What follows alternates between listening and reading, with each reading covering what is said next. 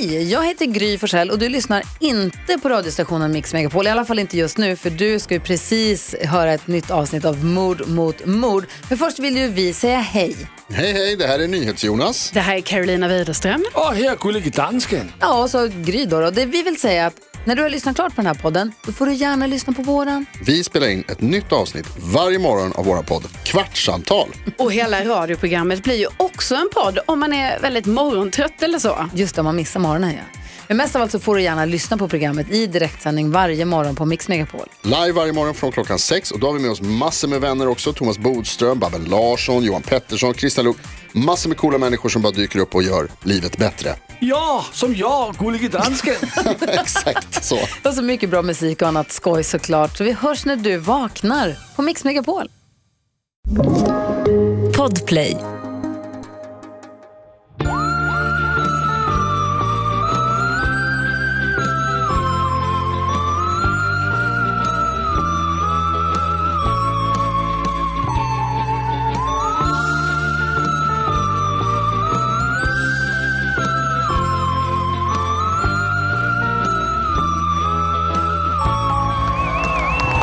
Okej.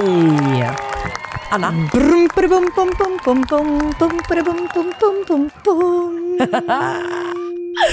Och vet du vad jag blir så... Välkomna till avsnitt 200 av er favoritpodcast Mord mot mord.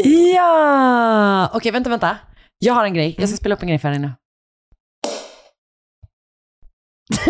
Det hörde du. Vad var det? Vad var det? Vi Vad sa, ju det? att, vi sa ju att vi skulle ha champagne. Ah, champagnekork! Ja, alltså, Nice. jag har ju ingen champagne. Men du har en virtuellt. Jag googlade, jag youtubade klippet Real Champagne Cork Popping Sound. Ska vi ta det igen? Nice. Ska vi ta det igen? Ja. Nu tar vi det igen. Ah, det är en moett, kan jag berätta för dig. Det hörde du förstås. Nice. Mm, det har jag. Eh, nej, det jag gjorde för att fira var att jag köpte en cookie. Ooh, lyxigt. Den åt jag upp innan vi började spela in. Alltså, köpte du en sån på 7-Eleven? Nej, det gjorde jag inte. Jag köpte den på Hemköp. Okej. Men den var också väldigt, väldigt god. Väldigt god. Det är så sjukt gott. Alltså, det var länge sedan jag åt en sån. De är så, de är så perfekt Ah. eh, sega. Japp. Alltså det är exakt vad de Fucking är. love it. Ja, precis som du och jag. Perfekt sega har segat Jajamän. oss genom 200 200 avsnitt. avsnitt. Alltså Men jag så. får liksom eh, lite svindel när jag tänker på Ja. det. Jag Är det vet. fyra år då alltså? Det är som när man tänker på rymden. Ja, precis. Eller att man fyller ett år till i år. Va? Va? Mm, Vad menar du? Att man blir äldre. när man, Den ofrånkomliga ålderdomen som närm hägrar runt nästa hörn. så känner du när du tänker på att vi har gjort 200 poddavsnitt. Nej, jag menar med bara, det är så man känner när tiden passerar. Man blir äldre. Okej. Jag syftade mer på det här med svindeln. Ah, okej, okej, okej. Kul att jag jämförde det med rymden och du jämförde med att bli ett år äldre. Ja, men jag trodde vi pratade om eh, liksom ogreppbara saker. Ja, ja, ja, jag fattar, jag fattar. Fattar. Och då pratar du om din egen ålder. Min egen ålder. Mm. Eh, Nej, men det är otroligt. Alltså, om vi hade vetat det när vi satte oss ner första gången så vet man ju inte om vi hade påbörjat den här podden. Nej, då hade, Eller? då hade vi varit så här, nej men det är för många forskningsprojekt att driva för oss. Ja, men jag bara tänker hur många timmar vi har lagt ner på det här. Ja. Alltså, vi hade typ kunnat läsa en master i, på typ Minst något annat en. språk. Vilket språk hade vi tagit? Jag menar något svårt språk. Det är det jag menar. Det är liksom så många timmar. Ja, det är väldigt mycket. Är det 10 000 timmar? Hur många timmar har vi? Kan det nog vara. Eh, vad ska vi säga då? Är 10 det 000 10 per... delat på 200 är 50 timmar. Fan. Ja, Kanske lite nej men vet du vad jag skulle säga att det är? Skulle vi säga, ska vi ändå lägga, totalt har vi lagt 10 timmar per avsnitt. Stämmer det? Mm. Vi, då Ja, räknar stämmer. ja, typ ungefär. Ja, det är ju förstås då 2000 timmar. Mm. Så att, eh, det var ju ett matte som jag skäms över att jag precis gjorde på min dator. Och två, eh, ganska långt ifrån 10 000. Been getting there. Så, eh, så vi måste alltså Men och göra... låt oss också adressera elefanten i rummet. Vi skulle ju varit i Göteborg Ah, och kört det här. Jag vet. Men Jag vet. Vi skulle gjort vår livepodd i Vi- Göteborg igår. I Ja, våran, i våran värld. Ja, jag vet. Ja. Jag vet. Jag tänkte, jag kunde typ inte ens se liksom det i ögonen eh, igår Nej. när jag gick runt här i Göteborg. Så var jag tvungen att liksom försöka tänka bort det så mycket jag kunde. Det var väldigt, väldigt Mm. svårt, för det kändes i hjärtat. Men det som kändes skönt då är ju att vi samtidigt väger upp nyheterna om att publikrestriktionerna slipper, släpper. ja, Så de har ju släppt som idag va? Om man eh, är, när vi släpper podden så har väl ja, just det, nionde. Japp, japp. Eh, så att eh, in och nu kan vi liksom, eh, liksom köra på. Alltså det ska bli nu, underbart. Ah, nej, alltså, nu, nu kör vi igång igen. Så det är ju alltså stauppbolaget.se snedstreck mot mord. Där finns då länkar till livepoddsbiljetter 20 mars i Stockholm och 29 maj i Göteborg. Och då har jag bara Mm. en grej att säga om det. Och vad är det? Alltså det är så jävla... Alltså det kommer vara så Det- mycket champagne som så flödar på livepoddarna. Alltså det är det minst maxade YouTube-klippet på hela YouTube. Eh, ja, men Mm. det ska bli superkul. Köp biljetter och kom och häng med oss helt Ja, enkelt. snälla gör det. Det kommer bli så jävla, jävla roligt. Vet du vad jag funderar på? Jag funderar på om vi ska ha någon liksom livepods-merch som bara finns Jag, jag där. tänkte precis samma tanke, men jag tänkte att vi skulle ta det off air innan vi lovade för mycket. Men okej, Nej, vi vi lovar kommer nu. ha någon, vi kommer ha någon livepods merch. Det kan ni ta och skriva upp. Alltså du vet kul, tänk dig typ en så kanske, eh, vad ska vi säga så, ehm, Kiss World Tour t-shirt Mm. där de listar Nice. alla datumen på ryggen. Kul när vi Så har en sån två. fast bara två datum. Ändå skoj. Det är kul faktiskt. Jag måste också börja då planera min outfit utifrån den här eh, t-shirten som vi ska göra. Vänta, måste vi ha på oss dem? Jag vet inte, vi kanske vill ha det. Vi får se. De som kommer på livepodden. För de får se. De får verkligen, gud vad, bara ytterligare en anledning. Exakt. Nej men alltså jag, nu känns det, det kändes liksom, ah, det känns så pirrigt. Jag längtar så jävla mycket. Alltså det, det ska faktiskt bli jätte, jätteskoj. Skalateatern. Alltså Nej, Det känns det, stort. då är vi ett steg närmare revy. Från Dramaten. Ah, också även Dramaten. Dramaten blir nästa Olika gång. målbilder. Ja, verkligen. Jag vill bara vara med i Mölndalsrevyn. Du vill vara med i Stefan och Christer. Du, det vill jag faktiskt Jag är med inte. Bergman, du är med Stefan och Christer. Men alltså, Anna, det är inte roligt när det är sant. Nej, men kom, köp biljetter. Kom, kom, kom. Kom, Vi ska få special eh, live pods merch och eh, eh, dricka eh, moët med oss. Ah, och, alltså! Jag, vi kan väl göra Underbart. Ah, det, kommer bli, det kommer bli så jävla skoj. Ehm, Mm. Så jag tänker typ att det är vårt 200 avsnittspresent. Liksom.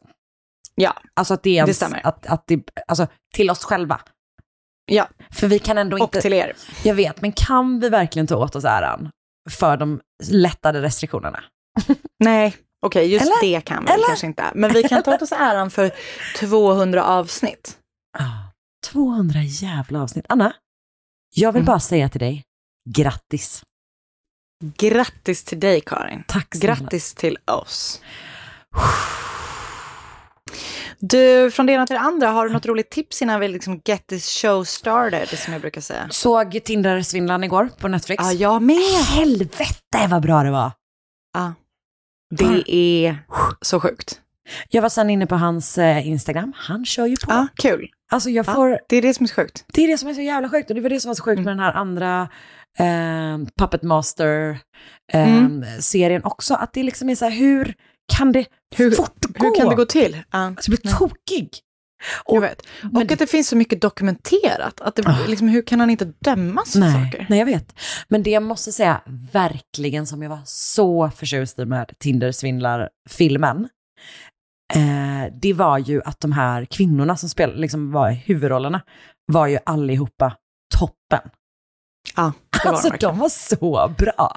Ja, men blev så glad eh, av hon, eh, allihopa såklart, men också av hon holländaren. Ja, som hon- bara sålde hans skit. Japp, och var så här, nu ska jag svindla svindlaren. Jag gillar det skitmycket. Den, Ja. var, den, måste man, den, den kan vi ju varmt rekommendera Ja. båda två då. Det kan man verkligen. Det- Vet du vad den också var? Det var faktiskt en perfekt söndagsrulle. Var den inte det? Jag såg den ju lördags morse då, men det var perfekt Oj, lördags... konstig tid. eh, ja, men Också vet, man mysig. går upp sådär halv sju, då kan man den sätta på den och rulla medan man bygger Duplo framför tvn. Åh, är det Duplo-tider? det är Duplo-tider, om det är. Ah, kul eller? They're fucking everywhere, Duplo-bitarna. Alltså, men det är kul, det är faktiskt kul. Hellre det än att gå på en legobit ändå. Eh, Eller? det får man säga. Ah, Mm. Det är ju lite ont med Duplo också, men bättre än Lego. Ah, ja, men bra. Sant. Då hoppas vi att eh, det stannar där. Att det inte blir mindre. Mm. Det blir sån mekanika. Det är Eh, nog större risk att hennes pappa kommer göra det. Gulligt. um, Okej. Nej, men så det Ja. är väl det. Har du något annat? Det är väl det. Eh, nej, jag tror typ inte det va? Men... Har du? eh, Mm, jo, jag har lyssnat på en, en poddserie om... Eh, eller säsong tre av... Okej, nu ska jag i liksom farten här. I'm stalling, I'm stalling. Eh, jag har lyssnat på säsong av säsong fyra av eh, podden Accused. Eh, som då eh, handlar om en kvinna som heter Rhoda Nathan, som hittas död på ett hotellrum. Eh, på 90-talet tror jag det är. Och ehm, en eh, anställd på hotellet har då dömts för det här och sitter och väntar på avrättning. Och eh, det här är en sån klassisk eh, utredningspodd liksom. Har han gjort Ah. det eller har han inte gjort det? Det var jättelänge sedan jag lyssnade på en sån. Så det var liksom Ja, kul ju. spännande att gå in i en sån igen. Eh, väldigt, väldigt välgjord och väldigt, väldigt bra. Eh, det som också är ganska spännande med den är att det här fallet har gjorts på ett forensic file-avsnitt. Ehm, och typ att det är så här, de lyfter ganska mycket olika, du vet, lite skevheter i forensic files-avsnittet med. Eh, och det kändes också, alltså, det är inte som att jag tror att allting forensic files säger är sant, eller du vet sådär, är supergivet, liksom, givet, men det var bara intressant att få det från det hållet på något sätt. Liksom. Eh, så att Accused, säsong fyra, Bra tips. väldigt Bra liksom, tips. välgjord, bra eh, och spännande. Mm. Eh, Nice. Vet du vad de gör den nya säsongen på British Scandal som jag älskar? Berätta. Du vet, han som, eh, alltså i brittiska Vem vill bli miljonär? Så var det en Mm. som vann, hade någon slags hostscam. Just det. Det fallet. Alltså de som Kul. fuskar sig på Postkodmiljonären med hjälp av hostningar. Eh, så det har bara kommit ett avsnitt än så länge, men ändå väldigt intressant. Eh, Kul. Ja, det var det. Det var det jag hade. Nice. Japp, okej. Bra tips. Eh, men du, då eh, rullar vi väl igång det här 200 avsnittet. Vilken jävla resa det ska bli. Ett poddtips från Podplay. I fallen jag aldrig glömmer djupdyker Hasse Aro i arbetet bakom några av Sveriges mest uppseendeväckande brottsutredningar. Går vi in med hemlig telefonavlyssning och, och då upplever vi att vi får en total förändring av hans beteende. Vad är det som händer nu? Vem är det som läcker? Och så säger han att jag är kriminell, jag har varit kriminell i hela mitt liv men att mörda ett barn, där går min gräns.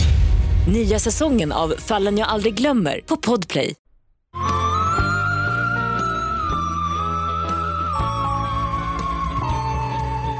Då är det jag som börjar den här veckan. Underbart.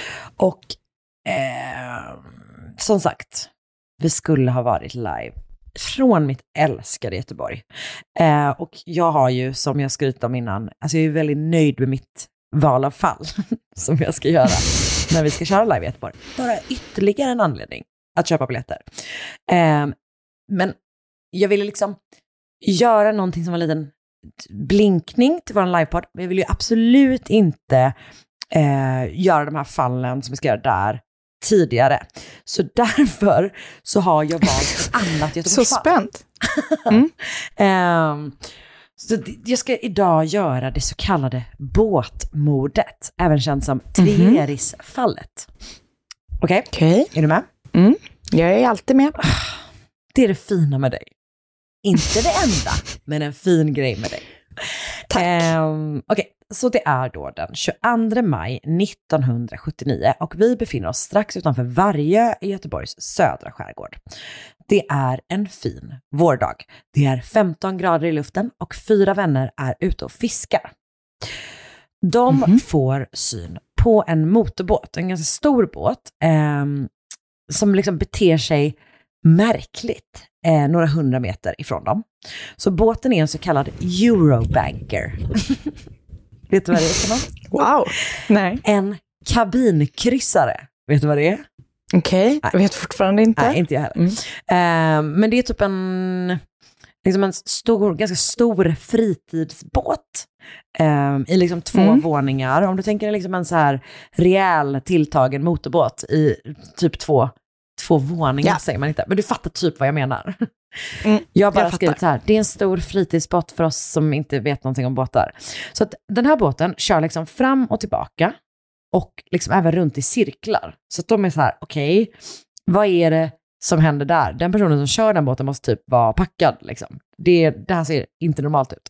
Men de bestämmer sig sen för att säga, ah, ah, ja, han håller på där, vi är här borta och sen åker de liksom runt till lite olika ställen och fiskar och typ förflyttar sig. Och jag tror att de, de, deras båt också typ så här driver under tiden de, flyttar, de fiskar och sådär. Liksom.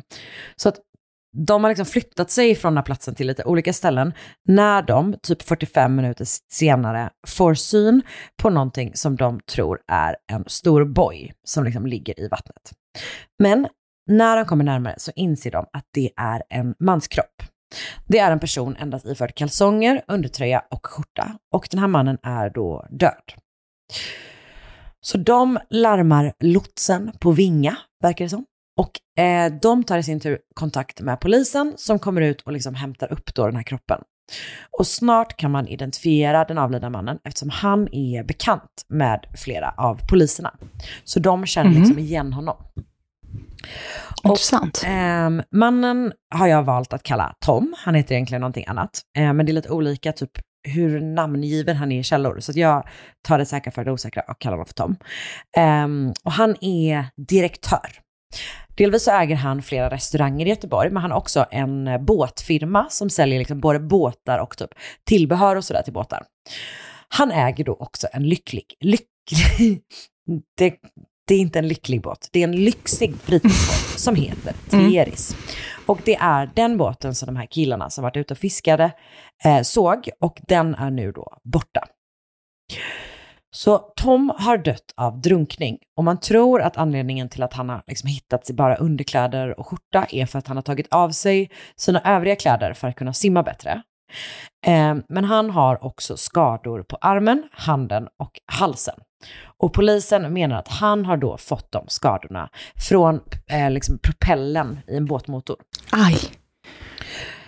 Och ehm, Tom föddes i Lysekil på 20-talet, eh, så han är typ i 50-årsåldern. Han är en så älskad familjefar och en framgångsrik affärsman. Och han har åtminstone två döttrar. Och eh, när de, liksom, hans, hans döttrar kontaktas av polisen så får de, för, och, och får de liksom berättar att deras pappa då har hittats död, så har de redan hunnit vara ute och leta efter honom ett par timmar. Liksom. Eh, och trots då att han bara har varit död en kort stund. Typ. Och det visar sig att eh, en av dem har fått ett samtal från sin pappa samma morgon, där han har berättat att en man som vill köpa hans båt har ringt eh, vid tio tiden. Och den här mannen har då sagt sig representera en köpare som, som är, och liksom legat på väldigt mycket om att han vill köpa den här båten samma dag. Och han vill dessutom ha så specialutrustning på den. Och han är väldigt tydlig med att här, pengar är inget problem. Så Tom vill sälja båten för typ så 340 000. Som ju, det här är liksom hans egen båt, så att den är, jag, jag tänker att det är nog inte det att han är typ supersugen på att sälja den liksom. Men 340 000 kronor, vilket ju, det här är 1979, du fattar att det är a fancy boat. Mycket pengar. Exakt. Eh, och den här mannen säger så här, han bara, okej men jag har en budget på 600 000, så det, it's cool liksom. Ja. Det finns då också gott om pengar för extra utrustning och han eh, liksom efterfrågar grejer som skulle kosta kanske typ så 30 000. Ehm, Man, de berättar för sin dotter och även andra kollegor att den här mannen har frågat om den här båten kan gå till England. Alltså om den skulle klara den liksom, resan. Och Tom har då svarat ha, att har du bara öl och smörgåsar så ska det gå bra. Gud, mitt liv. På en båt över till England. Bara jag har mina öl och mina mackor så är vi good to go. Verkligen. Åh, jag får sådana flashbacks. Och en skipper. För jag kan inte köra båten Nej, just det. Just det. själv. Nej, Mm. men eh, men okej, så du behöver tre saker helt enkelt. Tre saker. Och Tom har då, ehm, han har ätit lunch, den här dagen den 22 maj, så har han ätit lunch med en vän innan han vid tvåtiden åkt mot Långedrag, där båten ligger, för att möta den här spekulanten. Och på vägen dit så har han varit på två av sina krogar och plockat upp dagskassan.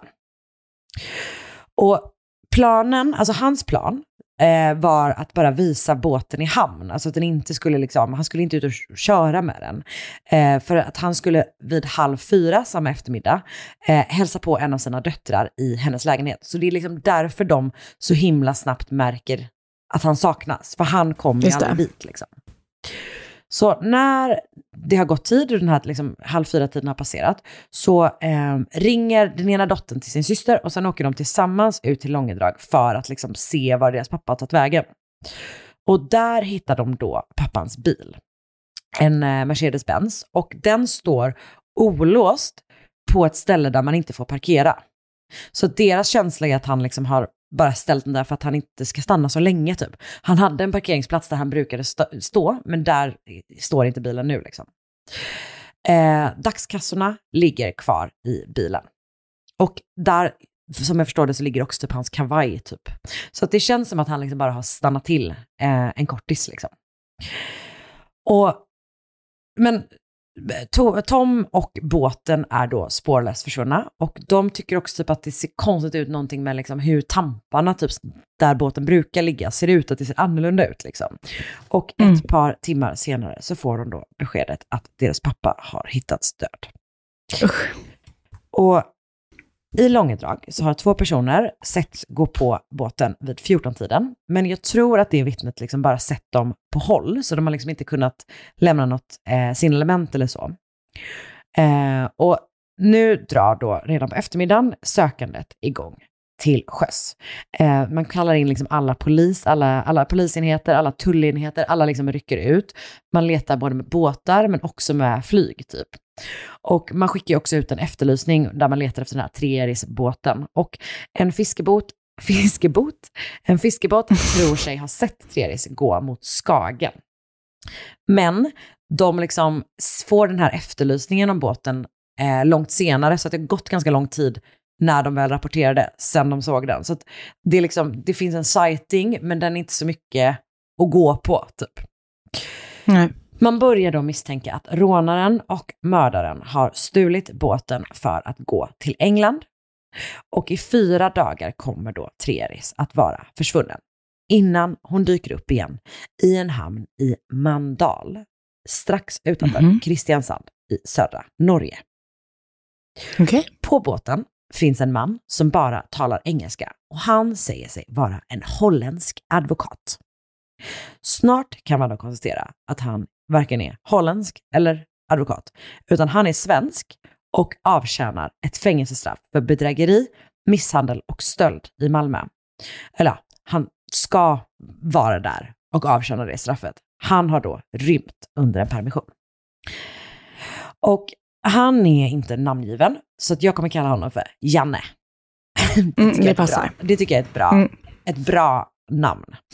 Och han är i 40-årsåldern och kommer ursprungligen från Lund. Han beskrivs som en så bedragartyp. Han är skrytsam, han är manipulerande. Vissa säger att han är en mytoman.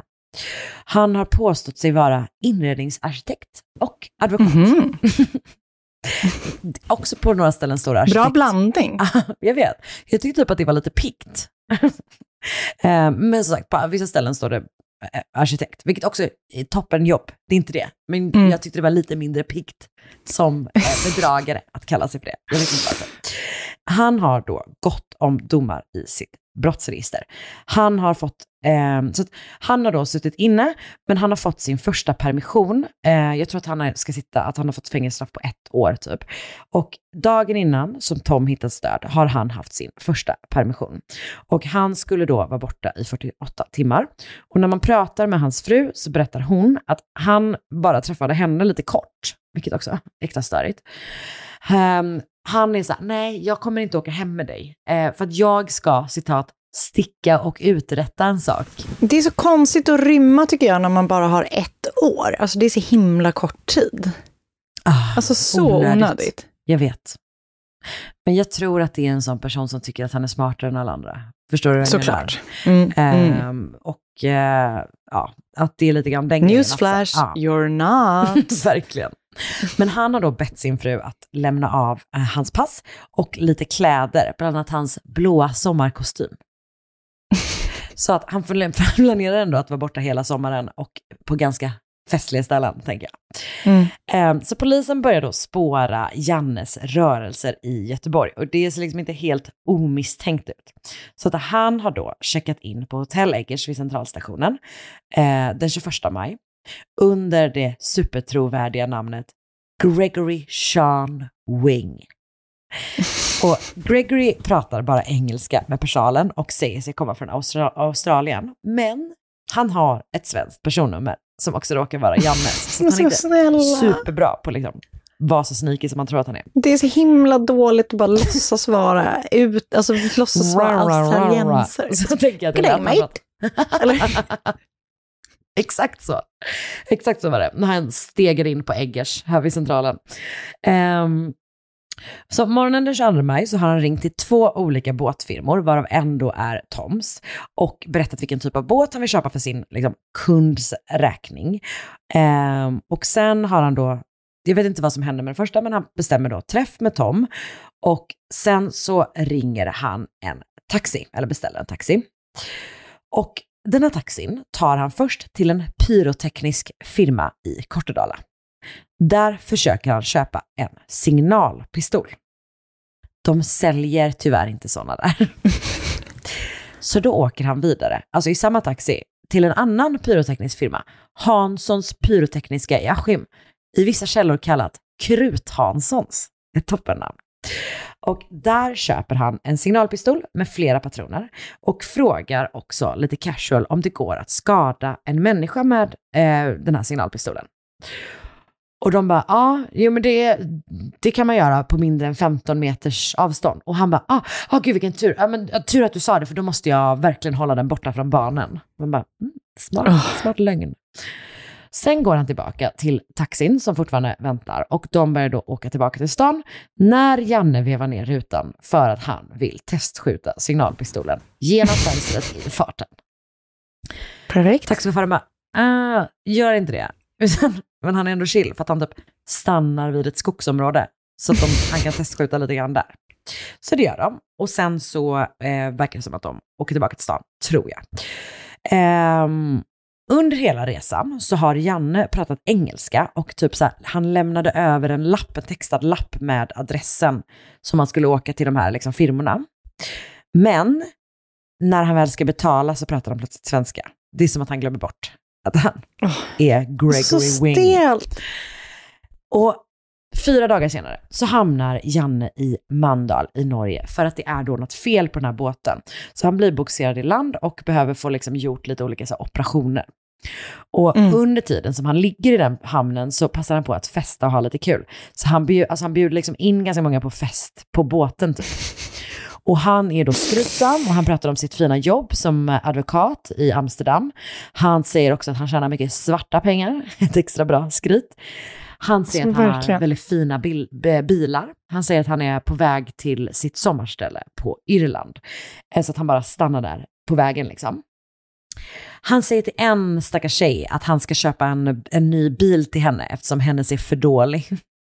Roast. Okej. Han är liksom the original sån, eh, the game. Verkligen. Att han bara, din bil är för Den dålig. där, det där är skräpbilen. Mm, Nej, verkligen nej. så. Nej, nej, jag läser en ny. Istället för din dåliga jävla kärra. Ehm, men Han grips då den 26 maj och häktas den 28 maj. Och på båten hittar man signalpistolen som Janne köpte i Göteborg och en karta över England och Irland. Under förhören eh, så pratar Janne först bara engelska och kräver Alltså, att bli frisläppt. Sen byter han. Nu pratar han bara tyska. Okej, Eh, ändå språkbegåvad. ja, ja, verkligen. Ja. Jag vet inte hur språkbegåvad han är, för att enligt den källan som sa det här så är det bara att han upprepar meningen alles in ordung och ställer sig i vakt så fort någon frågar någonting. Så att, Okej, inte super... sisådär. Alltså sådär. Ehm, men när han lämnas över till den svenska polisen slutar han att prata helt och hållet. Alltså, du vet, han pratar inte, det är inte det att han bara inte pratar med polisen, han pratar inte med någon. Han pratar inte med sin försvarsadvokat, alltså ingen överhuvudtaget liksom. Så sen kommer Janne att vara helt tyst i 51 dagar. Och det gör Jävlar. att media börjar kalla honom för den tigande piraten. det är för dåligt. Så starkt namn. Alltså det är Nej, för, för Det är så starkt. Så Janne samarbetar då in, absolut inte alls. Alltså han säger inte ens något till sin egen advokat som sagt. Eh, däremot så verkar det som att han gestikulerar att han är oskyldig. Jag vet inte riktigt, inte riktigt Gud, hur skulle man göra det själv? Ja, gud, fan jag hatar charader alltså. Jag skulle typ hålla händerna du vet, ihopknutna framför mig. Eller den som, du vet, handflatorna mot varandra och göra en gullig min. Jag hade gjort en sån shrug-emoji.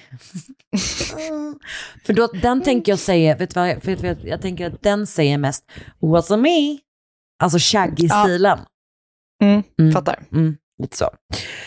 Okej, så att han säger ingenting. Men det finns vittnen från fängelset som säger desto mer. För därifrån visar det sig att eh, alltså Janne har berättat för flera personer om att han har en plan om att han ska rymma under en permission med båt. Och folk bara, men hur ska du ha råd med en båt? Har han svarat.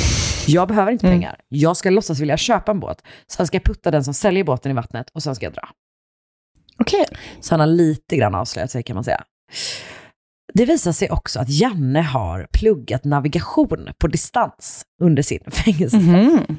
Han har inte fått sin examen än, men han har ändå typ så här, hållit på ett ganska gott tag. Liksom. Och från fängelset så kommer också vittnesmål som beskriver Janne som en extremt, liksom en väldigt hänsynslös och våldsam person. Alltså det är väldigt många som är, eh, alltså han är någon som andra interner typ passar sig för.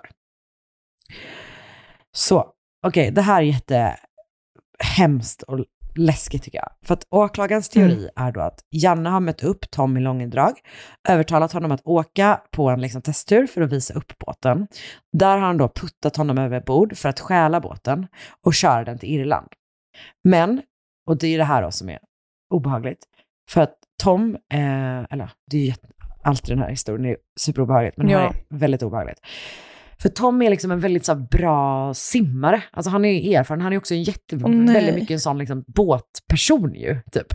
Så det verkar otroligt, otroligt att han liksom inte klarat av att simma i land och att han ska liksom ha dragits in i båten typ. Så därför Mm. presenterar de teorin om att eh, det som de här fyra fiskarna sett, alltså när båten har körts fram och tillbaka, är Nej. då att Janne medvetet, medvetet har försökt köra över Tom. Fy fan. Och det gör ju att brottet ses som, liksom, alltså då är det ingen olycka, utan det är ju liksom överlagt mord typ. Mm. Så Usch. Janne, att, att Janne då medvetet kört över Tom och därför bör dömas för mord bygger på liksom indicier snarare än teknisk bevisning uppenbarligen. Men trots Mm. det så döms han till livstidsfängelse för mord och grovt rån. Och domen överklagas och när alltså han ska, den ska upp i, eh, i hovrätten och sådär, då börjar Janne prata igen. Det Mhm. verkar som att han sätter igång under någon slags rättspsykiatrisk undersökning, eh, och som också kommer fram till att han är tillräknelig. Men när han liksom har börjat prata så sh, pratar han rejält kan man säga.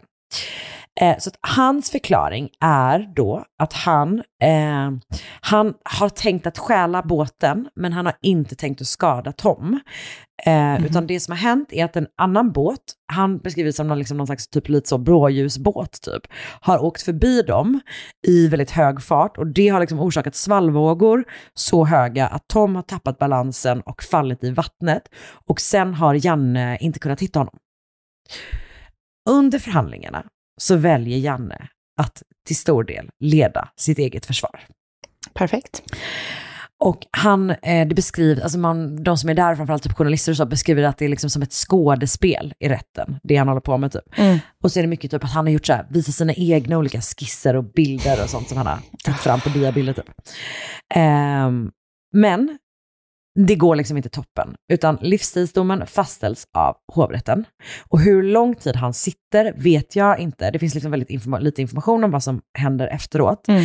Eh, men enligt Nordisk kriminalkrönika så var det åtminstone vid den här tiden ett typ ganska unikt svenskt rättsfall eftersom det är väldigt, väldigt ovanligt då att en åtalad dömdes till livstidsfängelse mot sitt nekande på indicier. Mhm.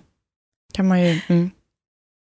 Eh, och jag har då framförallt läst en rejäl genomgång av det här fallet i Nordisk kriminalkrönika från 1981 på Bookbeat. Mm. Jag har också läst på platsenshistoria.se och ett reportage publicerat på den speciella sajten herrtidning.com. Karin. Jag vet. Eh, den har typ, den har funnits med tidigare för att det de gör där är typ att de lägger ut liksom gamla artiklar och ganska ofta så har det skrivits sådana liksom längre reportage om kriminalfall.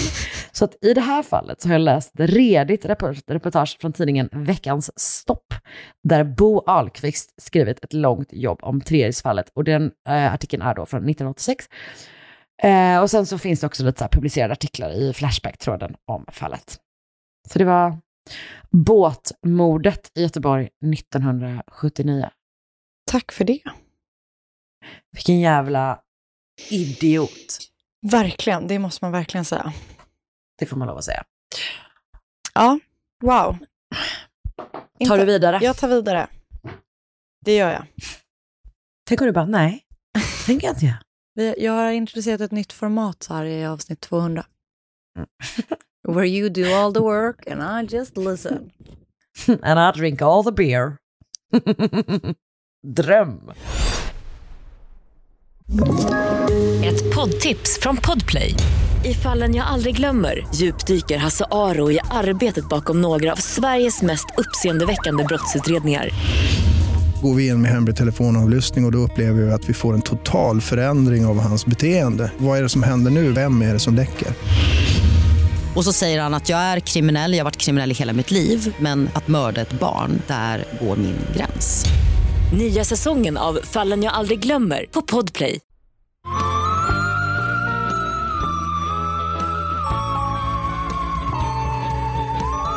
Eh, idag ska vi då cirka 200 år bakåt i tiden. Till the land of dreams, the city that never sleeps, New York, America. Är The? Big Apple. The Big Apple. eh, där i New York ehm, fick eh, den 21 år gamla Mary Rogers jobb på ett hett ställe år 1841. Det här heta stället var en cigarraffär som ägdes av en man eh, vid namn John Anderson. Och butiken hette Andersons Tobacco Imperium. Så mäktigt namn ändå. Vänta, det var liksom ett eh, coolt ställe. Ja men alltså, den här affären var då liksom, ja men det var liksom the place to köpa sina For cigarrer. tobacco. Mm. Här var det då många kända kunder som ofta kom till butiken för att inskaffa sig sin cigarr. Eh, några frekventa kunder var då författarna James Fenimore Cooper och Washington Irving och ingen mindre än Edgar Allan Poe. Mhm. Mm. Mary, Your cigar Mr Poe. verkligen. Och jag ser, gjorde fram, jag en engelsk vet jag inte. jag, ser, jag ser framför mig att det är typ som i, nu är ju du inte en Harry Potter-person, men jag gör det för de som är det. Jag ser framför mig att det är som i Ollivanders, eh, alltså trollstavsbutik, att det är så här, du vet massa lådor och så, så far hon omkring på en sån här bibliotekstrappa och bara, här har vi den. Jag tror du Eh, menar att jag tror, jag tror du menade att eh, cigarren valde rökaren. Ja, nej så långt tog jag det Att inte. men- Men ja, Att kanske. Plötsligt, att, plötsligt så ser det bara att den flyger in och kilar in sig i Edgar Allan Poes käft. Verkligen. Mellan tänderna sådär så här. Mm. Japp. Ja, eh, men Mary Rogers då föddes i Lyme i Connecticut eh, 1820. Hennes pappa dog någon gång när hon växte upp. Vissa källor säger att det var när hon var liten och andra när hon var lite äldre, så det är oklart. Men som jag förstår det så växte hon upp ensam med sin mamma som då drev något slags pensionat på Nassau Street i New York, där människor då kom och bodde liksom både korta tider när de var på besök eller även liksom längre, du vet, mer som ett, ja, som ett hem typ. Så eh, när hon växte upp då så hjälpte hon sin mamma med att driva det här pensionatet och as time passed så blev hon en väldigt attraktiv kvinna. I en blogg som jag har läst om det här fallet så beskrivs hon så här. She was rather tall, her form was exquis- exquisitely symmetrical, her features were regular, her complexion beautiful and she had a, she had a, a wealth of jet black hair. Wow. Men det är så blandad beskrivning på något vis. Men ja. Ehm, Det är något så himla dumt, alltså jag vet om det här att, liksom, att eh, du vet att ett symmetriskt ansikte är ett snyggt ansikte och bla bla bla. Men det känns ändå så jävla... men det är, så är det väl inte längre. Alltså det känns väl Nej som fast det, det finns ju typ ändå någon slags sån teori. Typ. Jo, Men exakt. Det känns så jävla osexigt. jag vet, det är väldigt vara. tråkigt. Man bara, mm, har du träffat min nya symmetriska tjej? Jag vet, jag håller med. Det är tråkigt. Framförallt för en som jag som har två helt olika ögonbryn. De ser ut att komma från två olika ansikten. alltså, mina med. Jag har bara ett som växer. Samma liksom här! Några enstaka fjun. Ja, nog om det. Vi är inte Ja, helt symmetriskt nog perfekta. Men hon var då... det kan vi, vet du vad, där kan vi ändå sticka ut hakan och säga, det, inte helt, bara nästan. Bara nästa.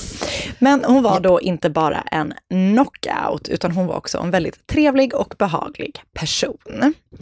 Och ehm, hennes då, jag, bland, jag är väldigt, blandar väldigt mycket eh, engelska termer som jag själv tycker om och svenska i det här fallet. Så bear with me. Ehm, Mm, hon- Folk älskar när man gör det. Men jag gillar det. Ja, bra. Okej, jag gillar att du gillar det. Eh, hennes good looks fick henne inte vara, bara att vara the talk of the town. Eller det fick henne att vara talk of town.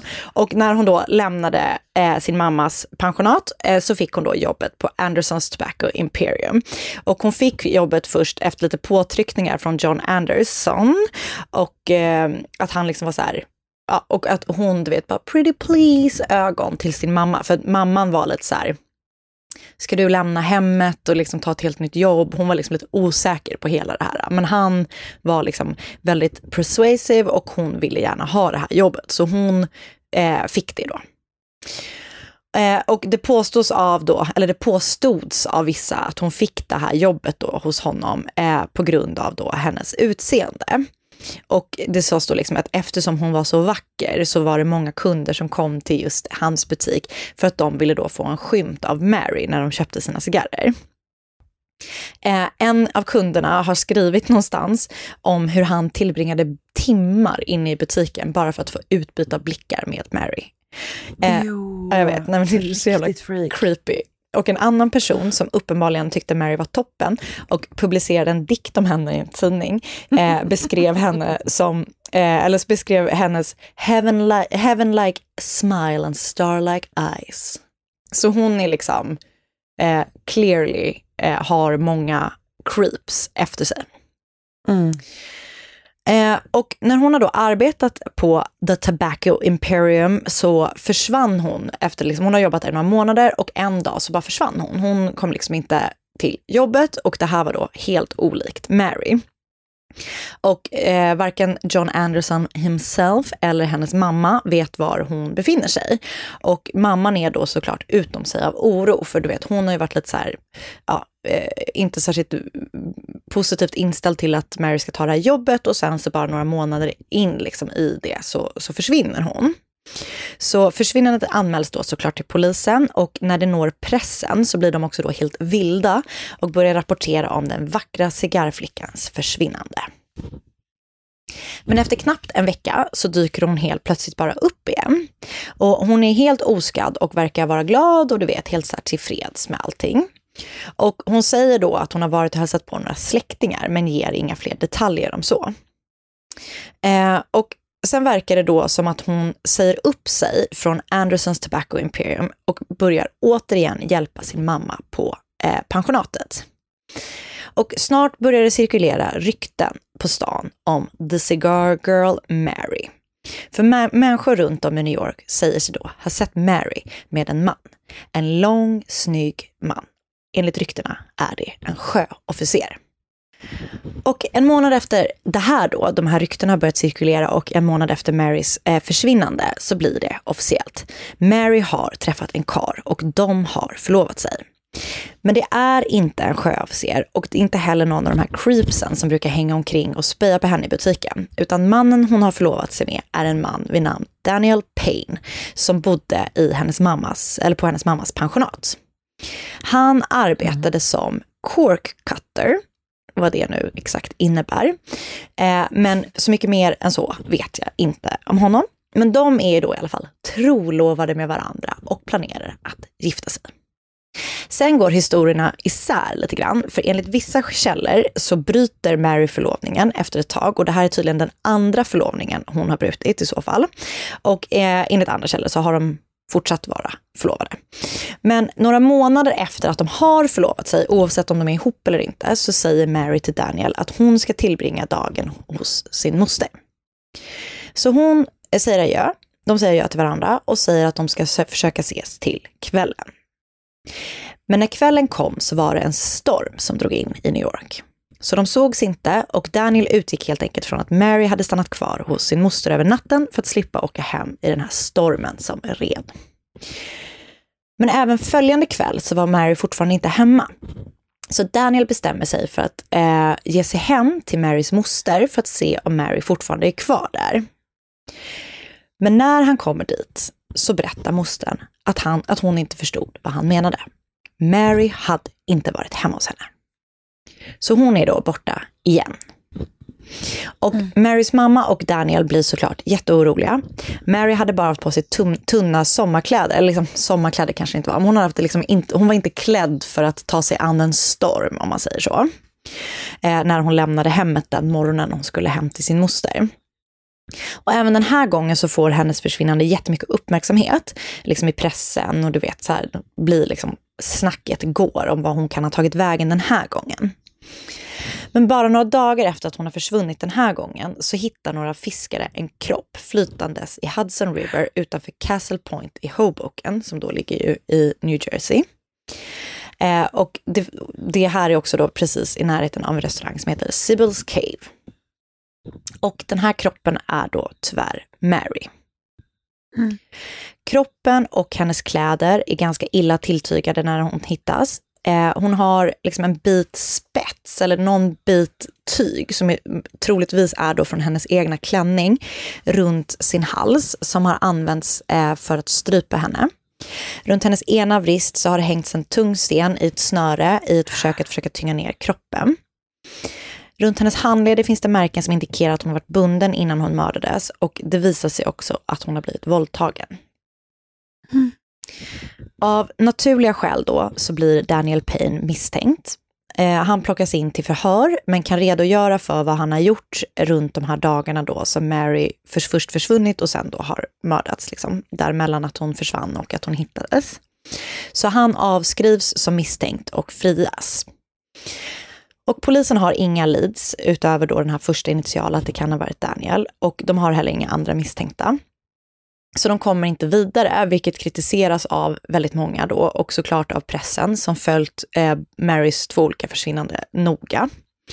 Så en belöning utannonseras för ett gripande som kan leda till en fällande dom. Och utöver det så annonseras det också att personer som eventuellt har någon liksom incriminating information ändå skulle fråntas eventuella straff om den personen kunde bidra till att den som var skyldig till det här fruktansvärda mordet kunde gripas och fällas.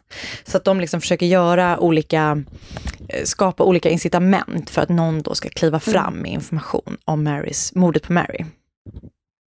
Och det börjar då komma in diverse tips, eh, bland annat ett tips där en anonym brevskrivare skriver till polisen att han har sett Mary tillsammans med sex rough-looking män, att hon då har kommit med de här sex männen till Hoboken i en båt. Och allt har då verkat glatt och bra när de klev i land och eh, när de då gick vidare bort från båten.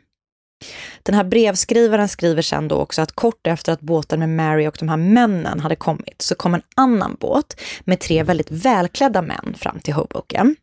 En av de här männen frågade då den här brevskrivaren om han hade sett en kvinna komma med sex män. Och när brevskrivaren sa ja det har jag, så frågade den här välklädda mannen om de hade varit våldsamma mot henne. Och när brevskrivaren svarade nej så har den här mannen då eh, hoppat tillbaka ner i båten och kört tillbaka med de här två andra välklädda männen till New York. Okej. Okay. Så liksom ett ganska oklart tips så. Och, ja. Yep. Eh, men, och ett annat tips som kom in var från en man vid namn Adam. Han berättade att Mary hade kommit med en välklädd man på Bulls Ferry till Hoboken. När de klivit av Bulls Ferries hade de gått till Nick Mullens som var en restaurang där i Hoboken. En kvinna vid namn Mrs Loss som drev den här restaurangen kom ihåg att det hade kommit en man och en kvinna den dagen som passade den beskrivningen som Adam hade gett. Hon berättade att efter att eh, den här mannen och kvinnan hade ätit hos henne så hade de gått ut i den närliggande skogen och att hon kort därefter hade hört ett skrik, alltså ett kvinnligt skrik, men att hon inte hade reagerat mer på det eftersom det här vid liksom, den här tidpunkten var ett ganska rough område. Så var det liksom inget, det var liksom inget extraordinärt att man hörde eh, någon som skrek på det sättet. Eh, två månader efter att Mary blivit mördad så var också Mrs Loss små barn ute och lekte i den här skogen som liksom låg typ bakom den här restaurangen som hon drev. Och när de var där ute och lekte så hittade de en underkjol, en sidensjal, ett paraply och en näsduk med initialerna MR. Vid den här fyndplatsen då av de här sakerna så finns det också tecken som indikerade att det hade varit någon slags av så kallad, mitt an, ett annat favoritord, rumble. Och det var då dragspår som om någon hade blivit släpad från skogsområdet ner i floden.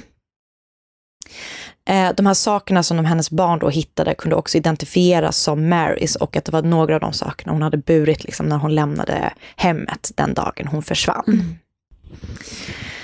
Så att polisen inleder då eh, någon slags eh, eftersökning efter den här mannen som då hon enligt utsago har setts av, av den här Adam och Mrs Loss. För det verkar vara liksom deras mest konkreta tips. Också att de har hittat de här sakerna bakom det liksom värdshuset eller restaurangen sådär.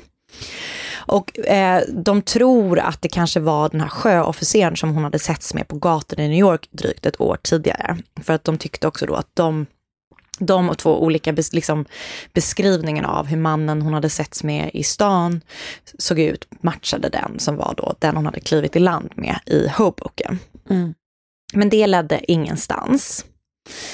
Eh, och en månad ungefär efter att de här fynden hade gjorts av Mrs Loss barn så begår Daniel Payne självmord på samma plats där man då tror att Mary har blivit mördad, alltså där de här sakerna hade hittats. Han lämnade efter sig ett självmordsbrev där det stod um, To the world, here I am on the very spot. May God forgive me for my misspent life. Och efter att det hade hänt så började ju folk då spekulera om han hade tagit sitt egna liv för att han liksom mådde så dåligt för att han, han hade, typ. ja exakt, ja. för att han hade mördat Mary eller om det var så då att han hade liksom ett krossat hjärta och inte kunde fortsätta leva utan sin fästmö. Det är inte helt tydligt på det där brevet. Nej, alltså nej. Jag vet. Eller känns som att det kunde läsas åt, åt båda hållen. Exakt. Och det är precis, ingen vet liksom om det är han som nej. var skyldig till det eller inte. Sen går det drygt ett år efter att Daniel har begått självmord. Och då händer något, och liksom ingenting annat händer. Man får inga leads, det, vet, det är ingenting som Nej. blir tydligare kring mordet på Mary. Men ett år senare då så händer någonting. För Mrs Loss, alltså hon som drev den här restaurangen vars barn som hade hittat eh, Mm. de här sakerna. Grejerna. Ja, hon blir då av misstag skjuten av en av hennes söner. Och när hon låg inför döden då så sa hon att hon hade något att berätta om Marys sista tid i livet. Hon berättade att den här mannen som Mary kommit med till hennes restaurang egentligen var en läkare som skulle hjälpa henne att göra en abort, som ju egentligen då var olagligt vid den här tidpunkten. Hon berättade vidare att ingreppet hade gått fel och att Mary då hade dött i sviterna av den här misslyckade aborten. Efter att det hade hänt så hade den här mannen då med hjälp av Mrs Loss äldre söner, eh, då, då hade de liksom gjort sig av med Marys kropp. Så hon erkänner liksom det här på sin dödsbädd. Men det som då talar emot det är ju att det, liksom, faktum är att obduktionen av Marys kropp inte kunde påvisa att hon varken varit gravid eller genomgått en, eh, en abort. Och jag vet inte exa- hur exakt eh, liksom den, den läran var vid den här tiden. Men det kanske man kunde se. Jag vet inte. Jag, jag har ingen insikt i det. Men, men enligt då det som jag läst så kunde då det, det kunde inte bevisas att hon har varken varit gravid Nej. eller har genomgått en abort. Och eh, den här erkännandet då från Mrs Loss förklarar inte heller det faktum att hon har den här spetsen runt halsen, eller den här liksom det som är från hennes klänning runt halsen, som hon då Ja. ser ut att ha blivit strypt av. Inte heller att hon då har varit bunden runt eh, händerna. Nej. Eh, så man vet liksom inte. Kort och gott så är, vet man fortfarande inte vad som hände med Mary Rogers och hennes mord, mordet på henne är då fortfarande ett mysterium. Men den här berätt, eller liksom berättelsen, den här sanna historien då om Mary Rogers död ligger till grund för Alan Edgar Poes berättelse som heter The Mystery of Marie Roger. Eh, och som du vet, så var ju, eller som du kanske minns att jag berättade, så var ju han då en frekvent eh, handlare där när hon jobbade i eh, Andersons Tobacco Imperium. Så det var eh, The Cigar Girl, Mary Rogers. Stackarn. Ja men så hemskt. Stackars hennes mamma. Jättesorgligt. Men så himla märkligt att göra en falsk dödsbäddserkännande. Exakt. Men som du säger så går det ju inte ihop med hur hon hittades som sagt. Liksom. Nej, och jag vet faktiskt inte liksom var det är fel någonstans, om du förstår vad jag menar. Det är ju så gammalt fall. Så man undrar ju liksom om, oj, och jag menar liksom inte att betvivla folk för 200 år sedan, men liksom det känns ju som det är något, det är, det är något som eh, är knasigt här. Det får vi verkligen lov att säga. Det var Mm. jättesorgligt. Jättehemskt. Fruktansvärt svett och... uff. Ja. Och jag ska berätta vad jag har ehm, läst. Då har jag läst. Five true crime mysteries that history has forgotten about. Eh, och det finns på Dusty Old Thing. Eh, jag har läst eh, liksom sidan på Wikipedia om Edgar, Edgar Allan Poes, då The Mystery of Marie Rocher. Eh, Today in History, The Mysterious 1841 Murder of Mary Cecilia Rogers på Untapped New York. Och eh, så har jag läst The Mysterious Murder of Cigar Girl Mary Rogers 1841 på historicalcrimedetective.com och så har jag lyssnat på en podd som heter Mystery Team Inc. Och det avsnittet heter Blackbeard och eh, And the Murder of Mary Cecilia Rogers. Mm. Det var sorgligt. Eller hur? Tack du. Tack Karin. Och tack även till er som har varit med oss. Fira 200 avsnitt. i 200 Ja. år. Tänk att ni har varit med oss i 200 år. Eh, Det, det skulle man aldrig ha trott för två, fyra år Nej, sedan. verkligen. Mm. Alltså gud, tänk, är det fyra år sedan? Jag vet inte, men det är det väl? Nej, Jag jag- tror typ att det är det. Eller jag vet att det är det. Det... Mm. Ja, men då så. då säger vi också det, att det Ja. är fyra år sedan va? Mm. Men, eh, och glöm nu inte att eh, köpa era biljetter på stauppbolaget.se mord mot mord. Vi vill träffa er. Ehm, För vi lovar att det, det kommer bli fruktansvärt Vet du vad kommer vara vår theme song? spännande. Popping Vad? bottles in the club like a G6. Mm, mm, mm, mm, mm, mm, Vi får- alltså, vet du vad? Vi får se. Okej. Like a G6, like a G6. like a G6. Hej då! Ett poddtips från Podplay. I podden Något Kaiko garanterar östgötarna Brutti och jag, Davva, dig en stor dos skratt. Där följer jag pladask för köttätandet igen. Man är lite som en jävla vampyr. Man har fått lite blodsmak och då måste man ha mer.